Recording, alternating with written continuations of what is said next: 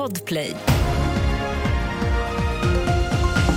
Här är senaste nytt som börjar med att en kraftig explosion inträffade vid ett flerfamiljshus i norra Uppsala strax före midnatt. Ingen ska ha skadats och polisen menar att det är för tidigt att säga om det finns något samband med tidigare händelser i Uppsala-trakten.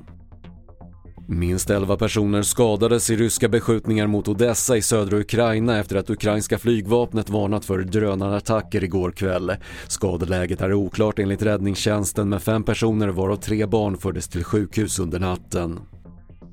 Så till USA där republikanerna i representanthuset i natt röstade ja till en formell riksrättsprocess mot president Joe Biden.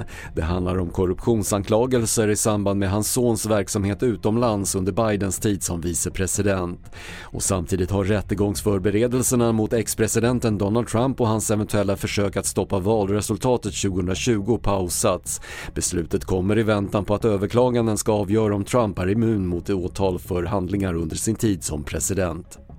Fler nyheter finns på tv4.se. Jag heter Patrik Lindström.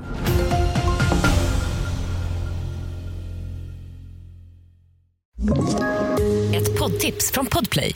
I podden Något Kaiko garanterar östgötarna Brutti och jag, Davva, dig en stor dos skratt.